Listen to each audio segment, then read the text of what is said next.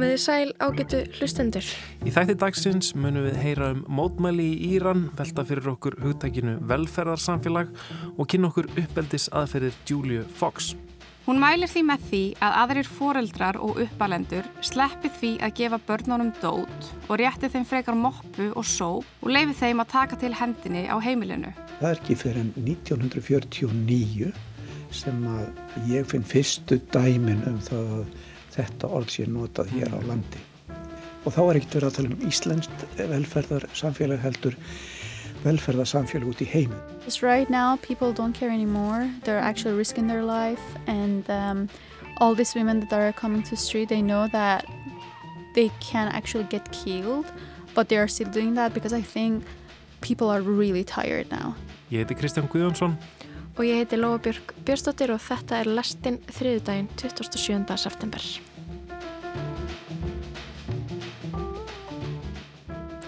Og við ætlum að byrja í Íran.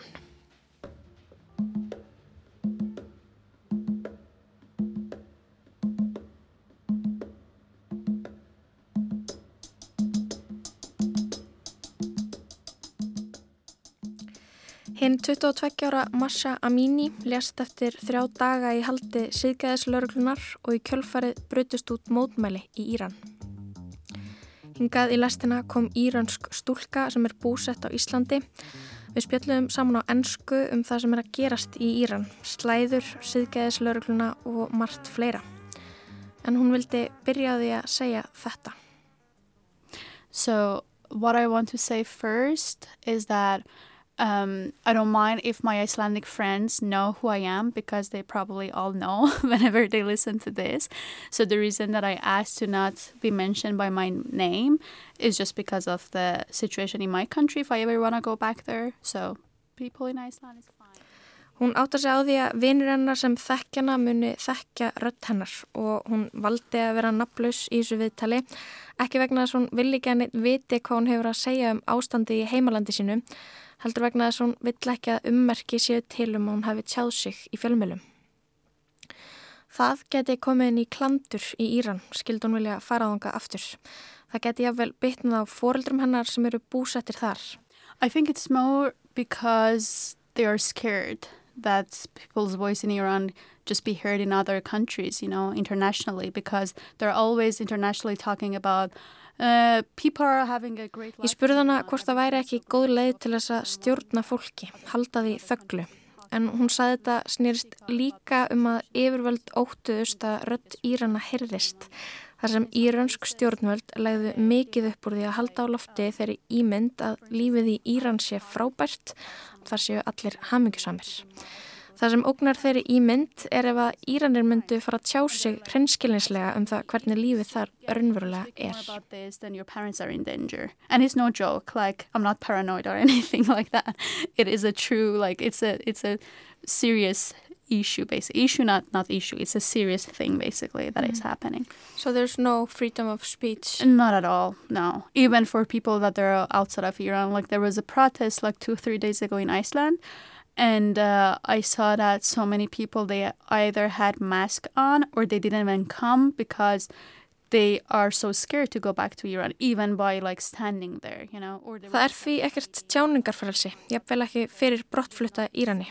Hún var stött á mótmælum um helgina og tók eftir því að margir samlanda hennar voru grímuklættir og sumir heldur sig heima eða skildu sér á bakvið aðra mótmælendur af óta við að það frettist einhvern veginn frá Íslandi til Írans að þau hefðu mætt á mótmæli. Já, það er líka að passa sig við hvernig maður lætur í ljós skoðanir sínar. Auðvitað er hægt að trista nánum vinum sínum en maður segir ekki hvað sem er við hvert sem er og talar ekki um ákveðna hluti í síman. Abar, abar, ya abar, ya rummi, ya, ya. Abar, abar, ya abar, del darum, ya, ya. Ég spurði hana hvað hún teldi að vera að gerast í Íran. Uh, that, that's a good question. Also, I want to just mention that whatever I want to say, it's very my, it's my very personal experience and my personal opinion. Hún vil alls ekki tala fyrir höndneins heldur aðeins lýsa sínum skoðunum. Það búa 80 miljónir í Íran og hún getur ekki tala fyrir hönd allra íranskra kvenna. Þetta hófst allt með dauða Massa Amini Hún var handtekinn af siðgæðislörglunni sem hún kallar líka hijab-löguna. Hún var barinn til dauða í haldi lörglunar. Opinber útskýring stjórnvalda er að hún hafi fengið hjartaáfall þegar hún hlaut hijab-þjálfun, þjálfun í því hvernig þetta bera slæðu rétt. Það trúir enginn þessari útskýringu. Þetta hafi verið kveikjanað mótmælunum. Konur hafi flikst út að mótmæla. En að þessu sinni hafi það ekki bara verið konur, heldur eru karlar farnir að mótmæla með þeim. Um, men were not being as much as supportive as this time, I would say. Uh, for, for, women. exactly that up. there are so also men also are so supportive in this because I always had this anger kind of inside me that why men Það hafi valdið henni vonbreyðum í gegnum tíðana hversu lítinn stuðning þeir hafi veitt konum þegar þær hafa orðið fyrir óriðleiti. Hún hafi verið afar reið karlmennum lengi fyrir að vera ekki betri í að standa með konum, mótmala með þeim. Hún segir að karlmenn í hennar lífi hafi aldrei kunnað vel við hijab-laugin þeir séu gaggrinir á þetta.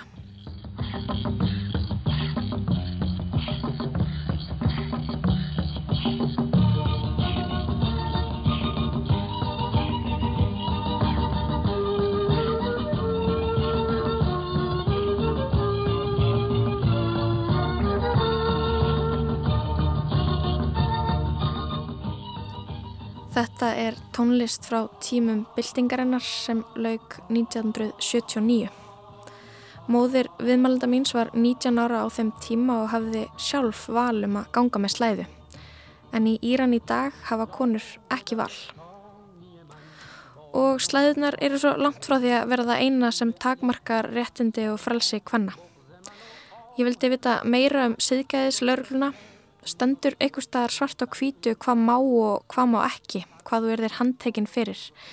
Er einhver leið fyrir fólk til þess að vita nákvæmlega hvað má ekki? Mm, yeah, not really. I would say not because, for instance, this girl, Massa, she was, when I was seeing her pictures, she was just like totally like a normal, based on Iranian standard even, you know, totally normal. She had like a black scarf, black uh, cut off long dress and stuff and still it happened. So i think also by passing time like each year based on each president and each political party that is like uh, Hún segir að svo sé ekki. Það sé hvergi hægt að nálgast einhverja leiðbynningar, einhverja nákvæma útlistun á því hvað sé samkvæmt stöðlum síðgæðislörglunar. Það er líka mismunandi eftir í hver sé við stjórnvölinn, leiðtóðar séu misstrángir. Sumir banni hjólreðar hvenna, aðrir ekki en það sem fórsetin segir, það sé línan sem siðgæðislurglan fylgir. Og það sé ymmit þannig í tilfelli Massa. Hún var bara nákvæmlega eins og hún var alla aðra daga. Hún var með slæðu, hún var í svartum víðum fötum. Hún hafði ekki verið að gera neitt öðruvísi en vanalega. En siðgæðislurglan sé óútreiknanleg og aðgerðnar beinist alltaf að konum.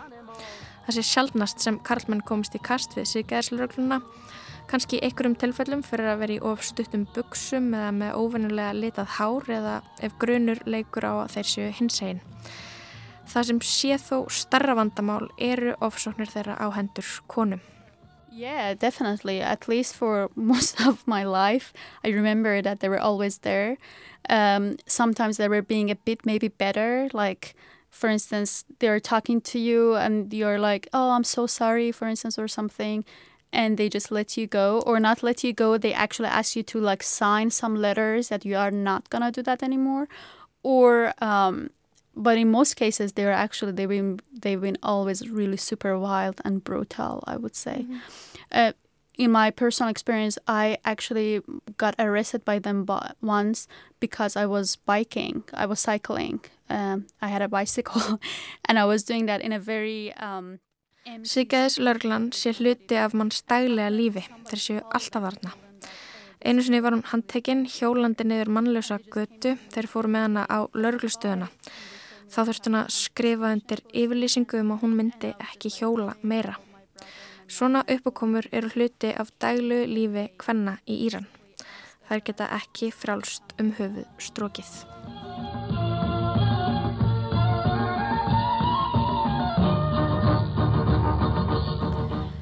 Áður en ég talaði við hana hafði ég tekið eftir ákveðni orðræði á samfélagsmiðlunum mínum sem ég langaði að spyrja hana úti.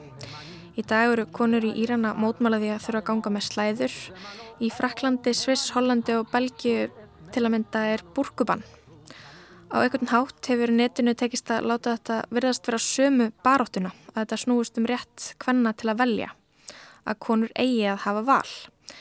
Sem er innföldun og umræðan sem þarf að taka er flóknari og eldfimari. Þar likur líka skýringin á því af hverju viðmælandi minn vil taka fram að hún er aðeins að segja sína skoðun, lýsa sinni upplifun að hún tali ekki fyrir hönd allra hvenna. En það er óheflagt fyrir viðmælandi minn að hún get ekki gaggrind slæðuna sem hún hefur verið neitt til að ganga með frá nýja ára aldri, sem hún hefur aldrei kunnað vel við sem er byrtingamind kúnar stöðu hennar í samfélagi heimalandsins að hún geta ekki gaggrind í að vel hata slæðuna á hans að vera sökuð um anduð á Íslam. En það er á sama tíma og eitthvað nátt skiljanlegt að hún verði fyrir slíkri gaggrinni í ljósi þess að slæðan er einni bitbein í orðræðu fordómafulls fólks. I, do you know I, mean? I totally understand yeah. what you mean, you know. Mm -hmm. That's something that I've been also thinking a lot myself. Like my very personal choice would be to actually I think I like the fact that France banned this law by mm-hmm. that because I think I mean of course I believe also I don't know it is very complicated again like I might change my like change my mind later because you are right it is about optional hijab you're talking about optional hijab but at the same time I think in many cases of course there are women that actually they really choice that they mm-hmm. want to wear hijab but also in many cases women think that it's their choice but it is not because of the fact that when girls are turning nine, they are becoming woman based on like they considered as a woman based on Islamic law. So you are nine and you are a woman and you have to wear a headscarf by 9 mm-hmm. So what would you know exactly when you are nine year old? Like how like you don't know anything. Hún segist sjálf hafa verið ánægð með að bannið sé í þessum löndum. Það sé hennar persónulega skoðun. Þegar umræðan snúst um val skiljum það ekki. Þar sem nýjar á stúlkur eigi að ganga með slæður Hvernig getur það verið val á þeim aldri? Hafa nýjóra stúlkur þroskan sem þarf til að taka slíka ákvörðin? Það sé í raun alltaf val fjölskyldunar, þannig verður val fjölskyldunar þitt val. Því það er eitthvað sem þú elst upp með. Oh, I hated it so much from the very beginning. Uh, when I started to go to school, when I was like seven or something, I had to wear a scarf to go to school. Hún er sjálf móður sem hafi allst upp með hijab en setna á lífsleðinni átt að segja á því að hún vildi ekki ganga með hann. Þetta væri ekki hennar val heldur eitthvað sem hún var tilneitt til að gera. Hún var sjálfláttinn klæðast hijab þegar hún gekk í skóla þá hafi fæðirinnar færið að keift slæðu sem henni þótti vera einstaklega ljót og hún hafi frá fyrstu stund hatað að ganga með hana. Fljótlega tók hún upp á því að taka slæðuna niður við hvert tækifæri. And I think I started to not wear it at least in my when I'm like with my friends or here and there like as as much as I could I was like avoiding to wear that hijab. En af hverju eiga konur að hilja hári sitt? Svarinnar við því er einfalt til að freysta ekki karlmanna, hárið við ekki losta. Uh, because again that's tempting for men and it is all about men and it is lustful and if women's hair it, basically women's hair and women's body it's part of their femininity. Líkami og hár hvenna tákni hvenleika þeirra og það eigi að hilja Þess vegna þarf að hilja það og ganga í víðum fötum. Hún segir þetta ekki dýbra en það. En hún veldur í einni fyrir sér hvort að þetta snúist yfir höfuðum losta og siðgæði eða vernda konur fyrir augnaráði og ágangi karlmanna. Hvort að þetta sé ekki bara leið til að stjórna helmingi íbúa Ef öllum konum er haldið niðri hefur ríkistjórninni tekist að halda niðri helmingi íbúa og þannig haldaðu öllum niðri. En það er fullt af reglum sem hamla frelsi kvenna sem hafa vissulega ekkert að gera með Íslam. Hverki komið fram að konur ætti ekki að fá að mæta á fókbaltalegi en það hefði lengst af verið bannað.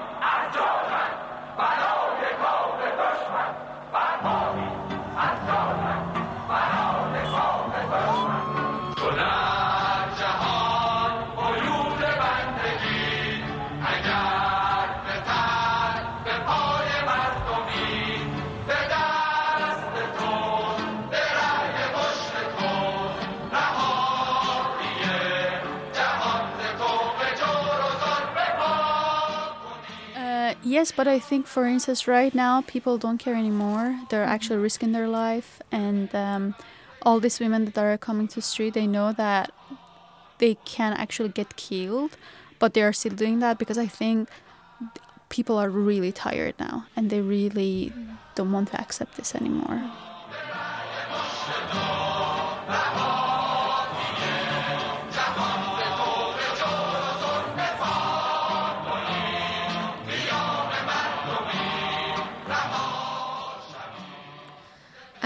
er hún bjart sín á að eitthvað breytist? Hún segir að hún trúiði ekki að konumunu sætta sig við að slæðan verði valfrjáls. Það sé ekki nóg. Það sé aðeins hluti af þessu. Það þarf að heia marga baróttuna. Og stjórnvöld mun ekki geta gert þær breytingar sem þurfa að gera. Við þurfum ekki leiðtóa til að leiða okkur í áttað breytingum, segir hún. Thank you so much for coming. Takk fyrir komuna. Thank you. Thank you. برتنم فقط به حکم بودنم که من زنم زنم زنم. چو هم صدا شویم و پا به پای هم رویم و دست به دست هم دهیم و از ستم رها شویم. جهان دیگری بسازیم از برابری به همدلی و خواهری جهان شاد و بهتری. نه سنگ و سارها نه پای چوب دارها نه sem hljómar í mótmælum í Íran, baráttu tónlist sem viðmælandi sendi mér. Mótmælunum í Íran er mætt af mikilvæg hörku. Íransk stjórnvöld segja 41 hafa látist í mótmælunum en mannrettindasamtök segja að það séu mun fleiri í raun. Fjöldi fólks hefur verið handtekinn, konur hafa tekið af sér slæðuna og brentana, skorið hársitt frammi fyrir fagnandi mannfjöldanum, segir í fréttum ríkisútarpsins og nú séu mótmælendur farnir að tala um að skipta át kerfinu, steipa valdamönnum af stóli. Orðræðan er róttækari, segir Magnús Þorkell Bernhardsson, prófessor í nútímasögu með Östurlanda. Í Íran er kallað eftir dauða einræðisherrans. جوانه میزنم به روی زخم برتنم فقط به حکم بودنم که من زنم زنم زنم چو هم صدا شویم و پا به پای هم رویم و دست به دست هم دهیم و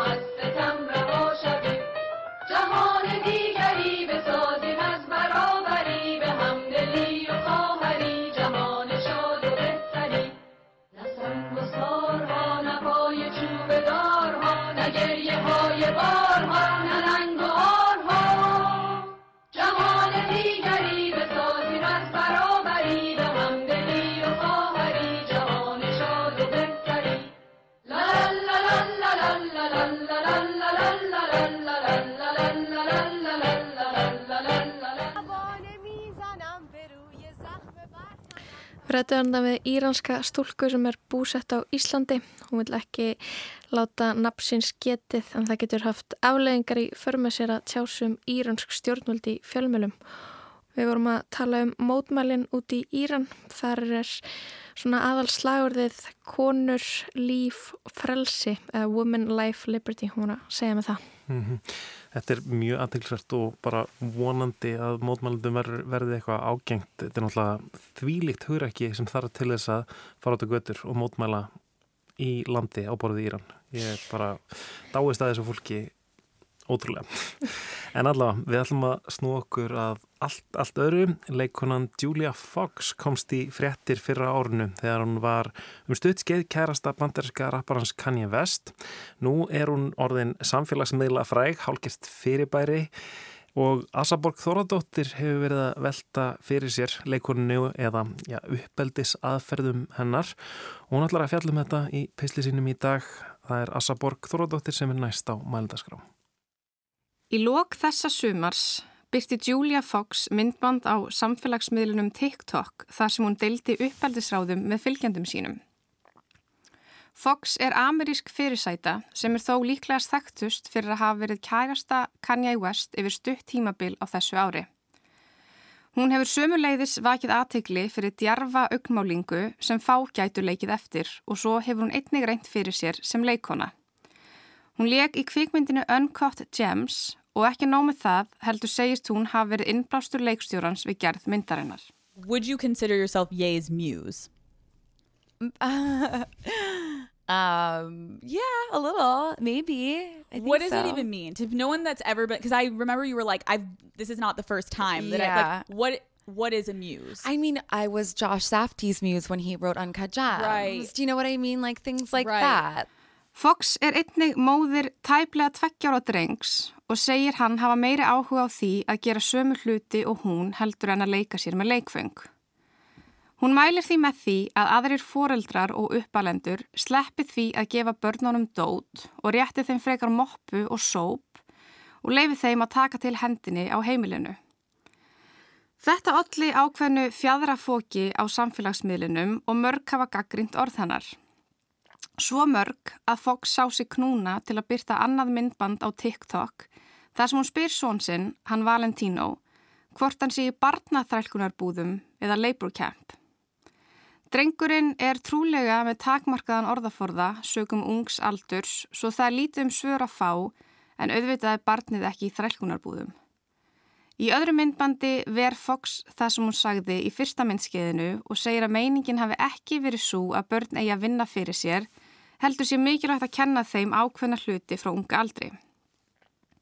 Líklegast ætlaði Fox sér fátt annað en að slá á létta strengi og benda á kapitalismann sem getur fyllt barnegnum og barnauppeldi. En samtímis ádeilu sinni á leikfanga yðnaðinn rýma orð hennar ágjatlega við möndrur diggra stuðningsmanna nýfrjálsíkjunar. Hey guys, I'm just coming on here to remind you guys that childhood, the, the idea of childhood, the concept of childhood, was only invented in the 18th century. Prior to that, children were just regarded as little adults. That's why in a lot of old paintings, the children don't look the same way that we show them today.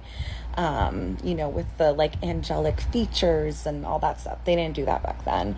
Um, and I think that the idea of childhood was invented um, as a way to just get parents to spend a lot of money on that kids don't it just it's not really teaching your kid anything. Fox segir að barnæska hafi verið fundin upp á átjóndu öld til þess að fá foreldra til að kaupa tilgangstöð stót fyrir börnin sín. Fyrir það hafi verið litið á börn sem litlar útgáfur af fullornu fólki.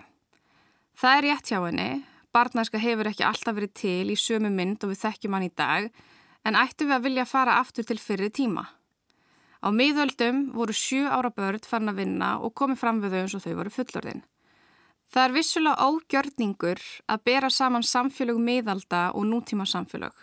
Það skildar samfélagsins í dag að vernda og annast börn og þess vegna er myndband Fox sérstaklega aðtýrlisvert.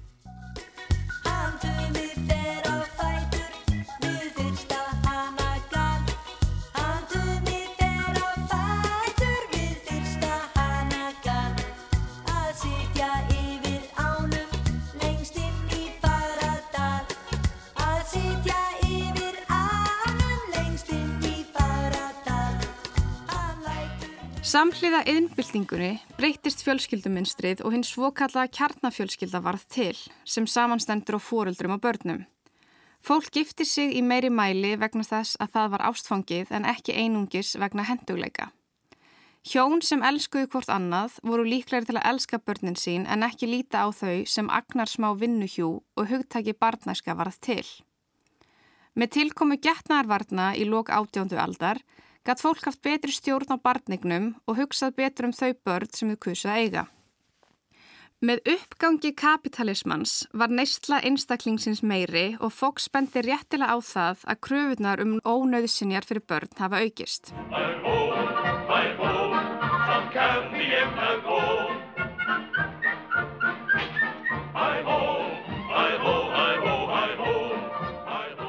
Í þessu kapitaliska samfélagi sem við lifum í mega hjól atvinnulífsins ekki hætta að snúast.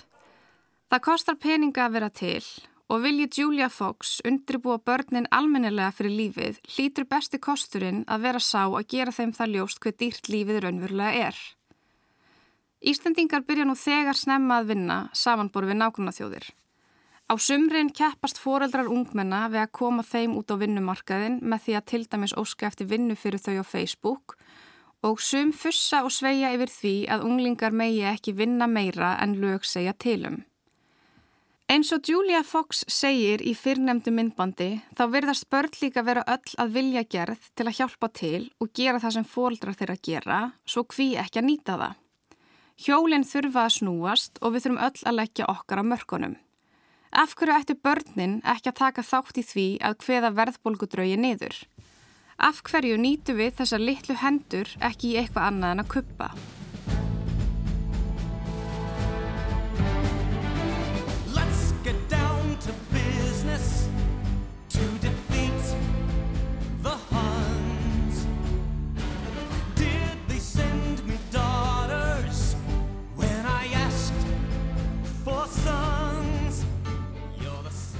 Það hefur verið kallað eftir því að fjármálalæsi verði kent í grunnskólum, mögulega á kostna dönskunar sem mörg hver sjá lítinn tilgang í að kenna 12 ára börnum. Það sé hins vegar mikilvægt að börn í unglingadeild læri munin á verðtryggðu og óverðtryggðu láni og þau læri að fylla út skattaskýsluna sína löngu áður en þau fá skattkort. En hvers vegna ekki að byrja ennþá fyrr? Hvers vegna ekki að lesa upp fjárlega frumvarpið með sefandi röttu í stað vögguvísna fyrir nýfætt börn?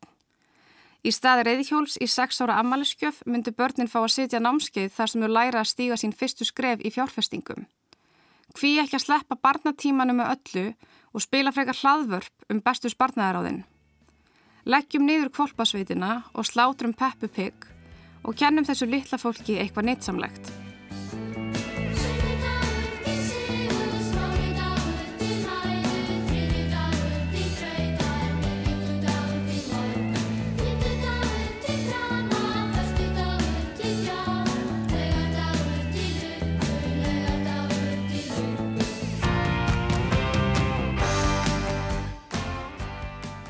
Hannes Holmstein sagði svo eftirminnilega. Hvað hafa komandi kynnslóður gert fyrir okkur? Ekkert. Komandi kynnslóðir hafa ekki gefið okkur neitt, nema allt. Þau að gefa okkur ástæðu til að fara fram úr á mótnana, vilja til að breyta rétt og tilefni til þess að bæta heiminn sem við búum í. Í því stóra samhengi sem lífið er, þá er barnaskan örlítill partur af því. Það besta sem hefur komið fyrir öll samfélag heimsins var þegar börnum var leift að vera börn. Það er valla tilviljun að þegar fullorði fólk gerir sér gladan dag þá er oftar en ekki farið í leiki. Hvort sem það er klassíst pókarhlaup og reyputók á starfsmannafögnuði eða leiki sem ganga út á það að innbyrða sem mest af áfengi í smarri hóp. Við fullorðumst öll á endanum og glötum leikliðinni og við áttum okkur á því þá reynum við allt sem við getum til að finna hana aftur. Við þurfum öll að leika okkur meira, sama hvað nýfrjálsíkjan segir okkur. You want a hot body? You want a Bugatti? You want a Maserati? You better work, bitch. You want a Lamborghini? Sip martinis, look hot in a bikini. You better work, bitch. You wanna live fancy, live in a big mansion, party in France. You better work, bitch. You better work, bitch.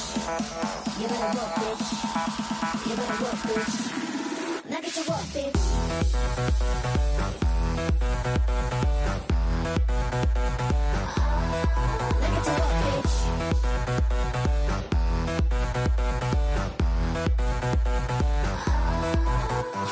Bring it on, bring it on. Won't stop now, just be the champion.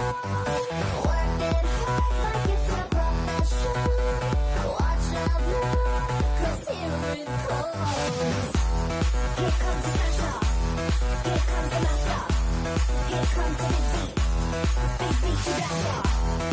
time to it now, just want to get it now. Pick up what I'm putting down. Pick up what I'm putting down. You want a hot body? You want a Bugatti? You want a Maserati? You better work, bitch. You want a Lamborghini? Sip martinis, look hot in a bikini. You better work, bitch. You wanna live fancy, live a big mansion, party in France. You better work, bitch. You better work, bitch.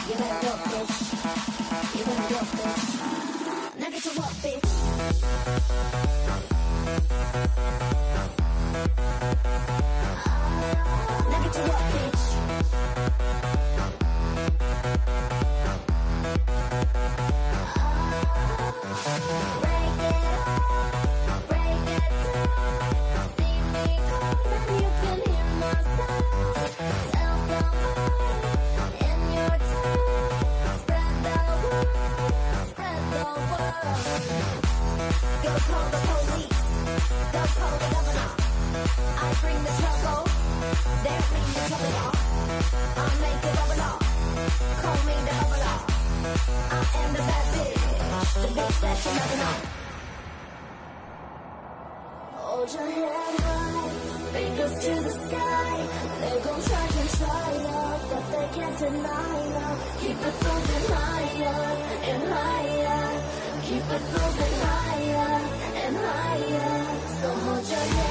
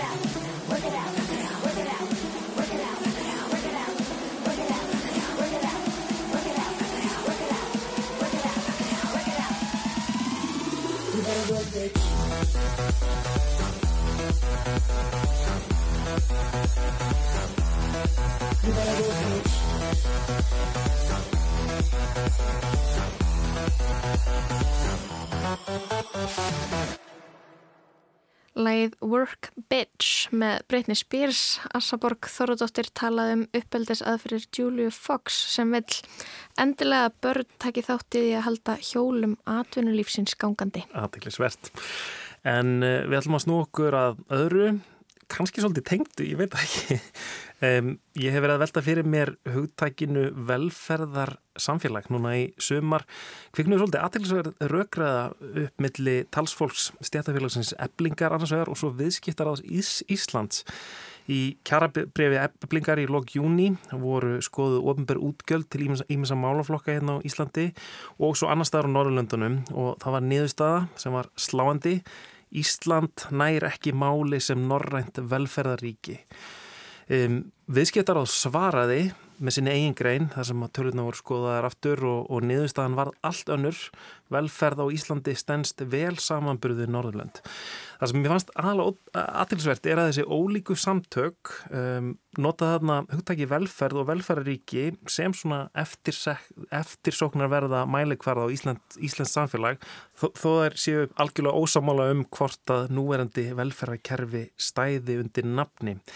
Guðmundur Jónsson, professor í sagfræði, hann hefur rannsakað þetta hugtak, velferðaríki, velferðarsamfélag og, og sögu þessi íslenskri umræðin. Hann flutti um það fyrirlestur í Háskóla, Háskóla Íslands fyrir í dag. Ég fór og hitti Guðmund og fekk hann til að segja mér hvenar þetta hugtak, velferðarsamfélag, velferðaríki, kemur inn í íslensku.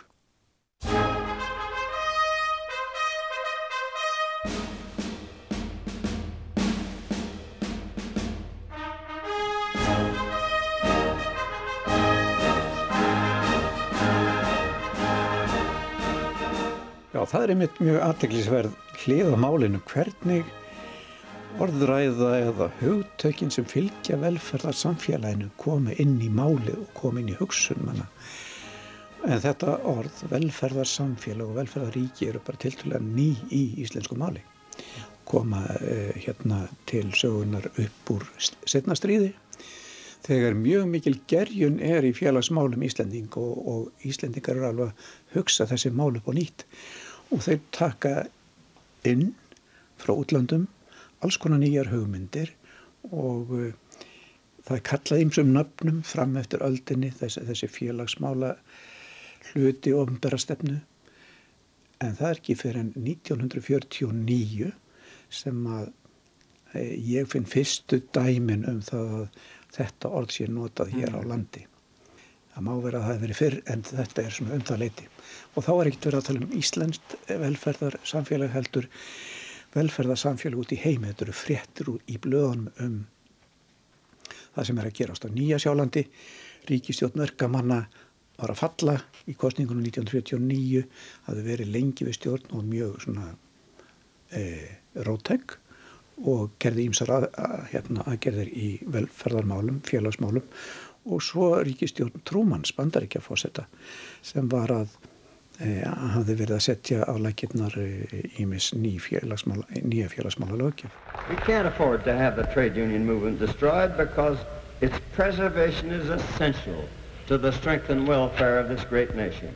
Hugtækið er sem sagt nýtt í íslensku máli en það er búið að vera í eh, umferð mjög lengi, sérstaklega í Þískalandi, alveg frá 19. aldinu þar, sem menn e, e, hérna, stjórnmála menn og hugsuðir og aðri slíkir voru að takast á um hugmyndirnar annars vegar um réttarríkið og hins vegar það sem þeir kalluðu velferðaríki og sömum eh, fannst það hafa neikvæðan blæ og öðrum jákvæðan blæ velferðaríki á þeim sem voru hlindir í var eitthvað í þáttina að hefðu ofinbera ætti að hugsa um velferð þegnana og stuðlað sem mestri velferð meðan aftur þeirri sem aðfylgdustu réttaríkishugmyndina sem grundvöld ríkisvaldsins þeir hugsaðu meira um lög og rétt og, rétt, og réttan málsmeðferð e, tryggingu borgarna fyrir stjórnmála réttindum og svo framvegis.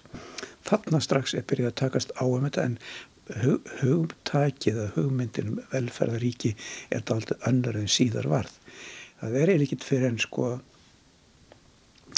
á fjóruða og fymta áratug 20. aldarinnar sem að velferðaríki og félagsmál þetta er fyrst og fremst félagsmála velferðaríki mm. sem að menn er að hugsa um verður til þá þannig að þá, þá er sem sagt verður verða félagsmálinn órjúanlega tengd tengd velferðaríkinu og upp úr því færða þessa nútíma merkingu sem er enn nútíma en, en sem sagt sko hugmyndir fólks um ríkið og, og hlutverk þess voru þá að breytast þarna svona áður en þetta, þetta orð kemur fram kannski upphafi, upphafi 20. aldarinnar og um, um aldamotnin kannski að, að ríkið um, ég hafi einhvern veginn meira hlutverk að, að, að til dæmis að öll þessi velferðar öll þessi öryggismál, það, það sé öryggismál en, en sé ekki bara einhvern veginn sko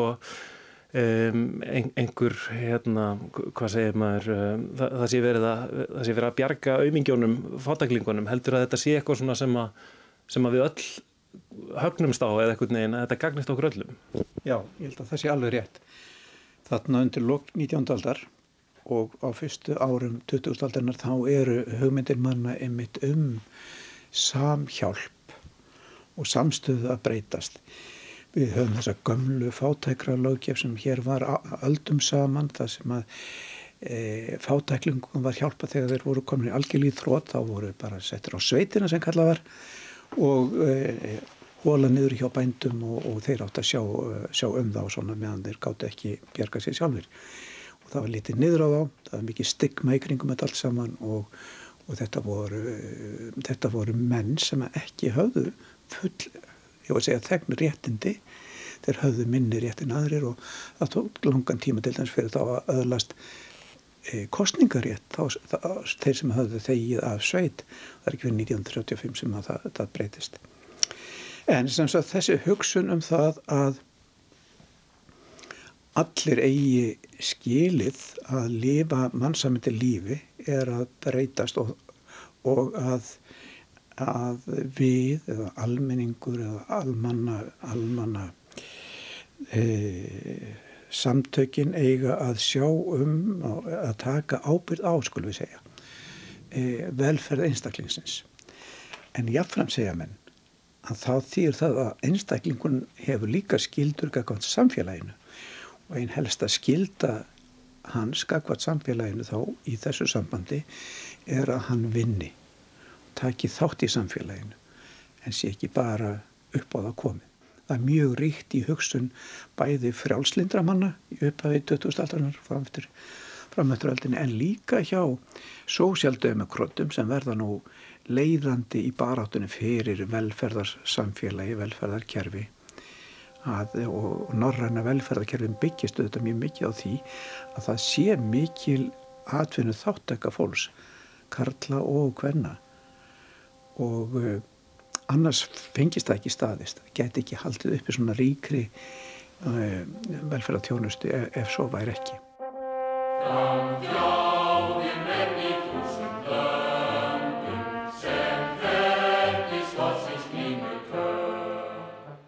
þú segir að, að þetta hugtak velferðaríki og velferðarsamfélag þetta fara að koma fram hann undir lok 5. áratugarins. Um, hvernig hefur svona, já, var, var strax svona, uh, voru allir sammála um, um hvaða merkingu þetta hafði og, og, og hvort þetta væri gott eða, gott eða slæmt? Eða voru átök um þetta hugtak? Alveg frá byrjun. Það voru átök eða ólíkar merkingar sem er lögðu í þetta orð alveg frá fyrstu, fyrstu, þarna, fyrstu tíð og þessa, þessa greina sem ég var að vísa til þarna 1949 sem byrtist í blöðunum. Þar er einmitt sem sagt annars vegar grein í morgunblæðinu og eins vegar grein í alþjóðblæðinu og þarna eru menn strax farnir að deila um það hvað þetta velferðaríki sem þeir eru að tala um í útlöndum þýði. Og það er það er sem sagt alveg svart og hvít hjá mm. alltið flokksmönnum annars vegar og svo sjálfstæðismönnum hins vegar sem standa á bak við þessi blöð og uh, í stórum dráttum er þetta átök milli vinstri uh, sinnaðra sjónamiða og hægri sinnaðra sjónamiða uh, hægri sinnaðra sjónamiða sem aðhællast frjálslinda hugmyndafræði og vilja takmarkað ríkisvald og áherslana á frelsi einstaklings og aðtapna frelsi hans líka og svo aftur hinna sem leggja áherslu meiri á þessa félagslegu hlið að það þurfi að markaðun er ófullkomin og það þurfi félagslegar aðgerði til þess að tryggja lífsákomi fólks vegna þess að, að markaðsbúskapurinn eða kapitalismin tryggir ekki nægilega e, lífsöryggi manna mm. og þetta, þessi velferðarmála spretta mjög mikið upp úr þessum félagslegu vandamála sem fylgja markaðsbúskap og, og tjettbílistróun og, og öllu því. En, en hvernig hefur þetta þróast? Núna hefur maður svona á tilfinninguna að það sé svona nánast sko e, sátt meðal flestra að við viljum búa í einhvers konar velferðaríki eða velferðarsamfélagi og svo kannski eru þetta mismöndi hvað, hvað fólk á nákvæmlega við með því um, en, en, en hefur þetta, þetta hugtakt hefur náðast meiri sátt um að þetta sé eitthvað jákvægt eða, eða hvernig, hvernig skinnir þú það? Já, það var sem sagt ólíkar meiningar eftir flokkslínum fram eftir setnir hluta 2000 aldarinnar og hérna þar voru nokkuð skýrar en svo gerist það reynlega að, að hugmyndunum velferðar þjóðfélagið öðlast meiri viðurkenningu og þar skiptir miklu máli að verða ákvæmna viðhorsbreytingar sérstaklega á hægri vangi stjórnmáluna að svona velferðar hugsunaháttur uh, hérna vinnur á og og hægri menn taka þessa hugmynd meira í sátt.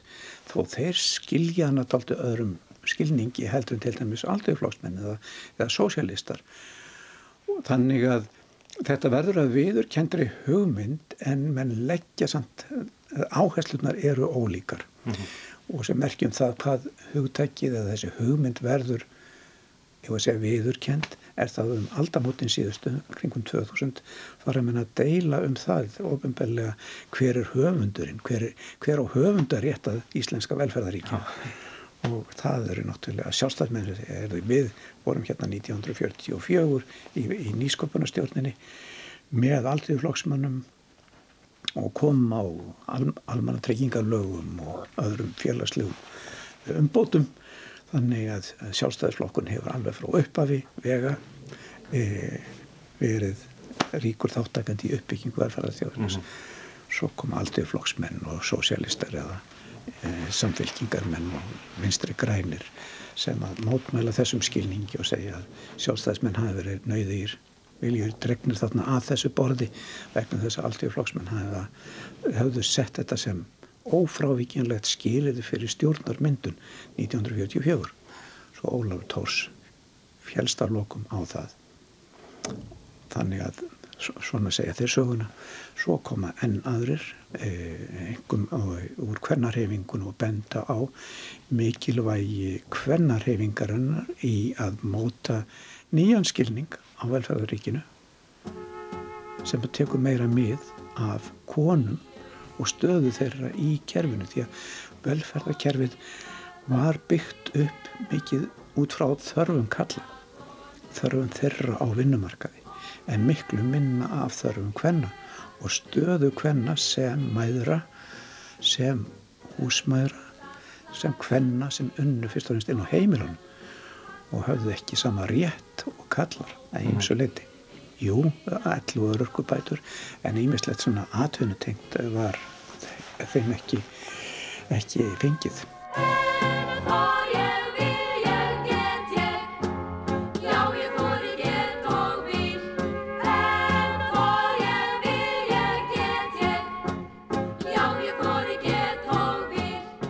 Það er mjög oft og, og bara alþjóðlega að tala um sko norræna velferðaríkið, eh, Skandinavíu sem, sem Norðurlöndin sem, sem svona hérna eina leið til þess að, til þess að stjórna samfélögum og, og, og halda allum góðum. Hérna, Ísland, eh, er, er þetta svona, er þetta bara alveg típist hérna norrænt velferðar, vel, velferðaríki eða, eða eru við eitthvað ólík hinnum Norðurlanda þjóðunum hvað þetta varðar og, og kannski varðandi hvernig fólk skilur þetta hugtak? Já, er, þetta er aldrei stór, stór spurning, sko. Nefnilega málið er það að þarna rétt undir lokstríðsins þá koma Íslendingar á mjög metnaðfullri löggjöf sem er jafnvel í fremri en félagsmála löggjöf er annars stáður á Norðurlöndum. Þannig að það er mjög metnaðfull stefna í félagsmálum í þarna í kringum lokstríðsins og næstu árum. En svo gerist það að e, þessi norrænu samfélag mjög, byggja mjög hratt upp sitt félagslega kerfi, velferðarkerfið og Ísland er að dragast aftur úr meira og meira leggja miklu minni pening í þetta. E, réttindin eru takmarkaðri bæturnanlægri og sem sagt svið þessara, þessara félagslegu réttinda er miklu takmarkaðra heldur en eh, er á Norðurlöndunum. Þannig það dregur í sundur með Íslandi og þeim eh, annars ára á Norðurlöndum en svo verður það er alltaf misjamt eftir, eftir því hvað við erum að tala um. En svo eh, um eða svona undir lok 20. aldarinnar eftir talsveit mikið niðurskurð sem varð á ofnberu, ofnberu velferð eftir 1990 þá fer aftur að draga saman og ímislegt þá fara Íslendingar að bæta í ímislegt og sérstaklega til dæmis foreldra orlofið og svo er náttúrulega stórkoslega uppbygging á, á, á þjónustu við fjölskyldur og dagvistarnarheimili og allt það sem er kemur undir lok 20. aldarinnar en Íslendingar er sem sagt miklu setni til Eh, en ná Norðurlanda þjóðum á sömum sviðum eh, nokkuð vel. En enn sitjum við uppi með e, til dæmis almannatekkingakerfi sem er miklu, miklu minna umleikis heldur heldur en kerfin út að annar starf á Norðurlanda þannig að Ísland er öðruvísi. En hvernig er þetta núna svona varandi þetta hugtak og, og, og já, hvað fólki finnst? Hefur, hefur það eitthvað verið rannsakað eða skoðað eh, hvað Íslendingum finnst um uh, velferðaríkið, velferðarsamfélagið um, hvort að sko viðhorfin til þessa hugtaks uh, til, til þessa fyrirbæri séu jákvæð eða neikvæð, ég meina við bý- búum á tímum síaukinar einstaklingshyggju og væðingar mm. það eru eh, sam, samfélagið er að verða fjölbreyttara mm. þannig að það eru svona ymsarugla hérna, áskoranir fyrir, fyrir velferðarsamfélagið Eh, hvernig líta Íslandingar á, á velferðarríkið og velferðarsamfélagið? Í, sko, Íslendingar eru ekkit mjög gefni fyrir það að tala um velferðarsamfélagið eða velferðarríkið á svona almennum nótum á hvaða uh, grundvallar sjónað með eigi eða liggi þar, til, uh, þar, þar undir. Þeir eru ekkit mjög gefni fyrir það til dæmis í sambörðu við aðra dani eða svíja til dæmis. Mm, En uh, það eru gerðar á og til náttúrulega uh, skoðanakannanir á viðþorum Íslendinga til velferða þjónustu og mennur er mikil stuðningur við hana og það mæti ég að færa rauk við því að, að stuðningur Íslendinga við velferða, öflugt velferðarkerfi sé miklu meiri en til dæmis stjórnmálamennir eða hinn ofinbæra stefna e, gefur til kynna. Þannig að það má vel vera þessi bíl milli þessara vendinga sem að Íslendingar gera um, um eða góða samfélag og svo þess sem að stjórnmálamennir e, gera í ofinbæri stefnu. Mhm. En, en sem sagt e, það er mjög erfitt að festa hendur á því hvað almenningur hugsar um þetta fyrirbæri velferðarsamfélag. Mm. og það er eins og með önnur stór hugtök eins og líðræði Em, við höfum, svona þegar maður fer að gera rannsóknum um þetta þá, þá er fyrst og fremst að líta bara á það sem kemst upp á yfirborðið og, og byrtist í fjölumilum og svoleiðis. Og ég hef skoðað þetta alltaf vel en það er bara hinn opimbera umræða sem að, e, er þarna til sínis og skoðunar en nákvæma rannsóknur á viðhólum almennings Já. og stó, stærstu hluta af honum tekur bara alls ekki þátt í þessari þessari ofinbyrju umræðu. Það er annar handleikur sko sem væri mjög verðt að kanna. Guðmundur Jónsson, professor í sagfræði, um, velferðaríkið, velferðarsamfélagið, aðtýrlisvert hugtak sem að á sér aðtýrlisverða sögu hérna á Íslandi og, og, og víðar. Takk kærlega fyrir að útskýra þetta fyrir mér. Takk sem leiðis. Mm. Og varpa með sig kynnin, ég veit ekki hvað þú ert Ég laði þetta svo bra og ógistleika nett Ég þakka fyrir pöntin eins og farin eins og pönt Er alveg svo lág, bitch stakka staks Og varpa með sig kynnin, hún veit alveg hvað ég er Hver stæri er á mig, hver er staðan? Eða þér Ég er með kjöss, lára mér, engar áhyggjörðum mér. Ekki stress, lífið best, ég skal klára ekki hér. Mamma sagðist hafa áhyggjörðum mér. Mamma, ég er sjálfur áhyggjur um mér. En mér gengur vel sem betur fer. Fullt af penning sett í vassana á mér. Mamma sagðist hafa áhyggjur um mér. Mamma, ég er sjálfur áhyggjur um mér. En gengur vel sem betur fer. Fullt af penning sett í vassana á mér. Fokk hvað aðri segja um mig Veist ég hlust ekki á það. Fokk hvað margir tala um mig eins og það sé einhvað að. Ég brýt breyð, gæði pening næstum hvern einasta dag. Hvern einasta dag Og ég meina það. Spurja mig um eitthvað sitt en muni aldrei fá neitt svar. Sami hópið með mig síðan ég var píku lítið bar. Allir í kringum mig, allir í rándýrum Allir í kringum mig í rándýrum bílum Mamma sagðist hafa áhyggjur um mér. Mamma, ég er sjálfur áhyggjur um mér. En mér gengur vel sem betur fer. Fullt af penning sett í vassana á mér. Mamma sagðist hafa áhyggjur um mér. Mamma, ég er sjálfur áhyggjur um mér. En mér gengur vel sem betur fer. Fullt af penning sett í vassana á mér. Ready?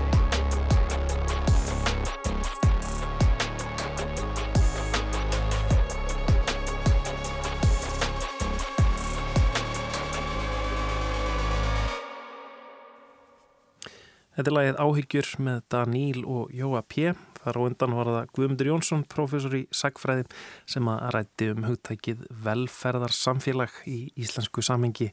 Hvaðan sprettur og hvernig það hefur þróast í gegnum tíðina. Áhugavert en þá verður lestin ekki mikið lengri í dag. Við Kristján og Lóa verum hér aftur á sama tíma á morgun. Já, tæknum að lestarinnar er Lítja Gretastóttir og við þakkum fyrir samveldina. Verið sæl.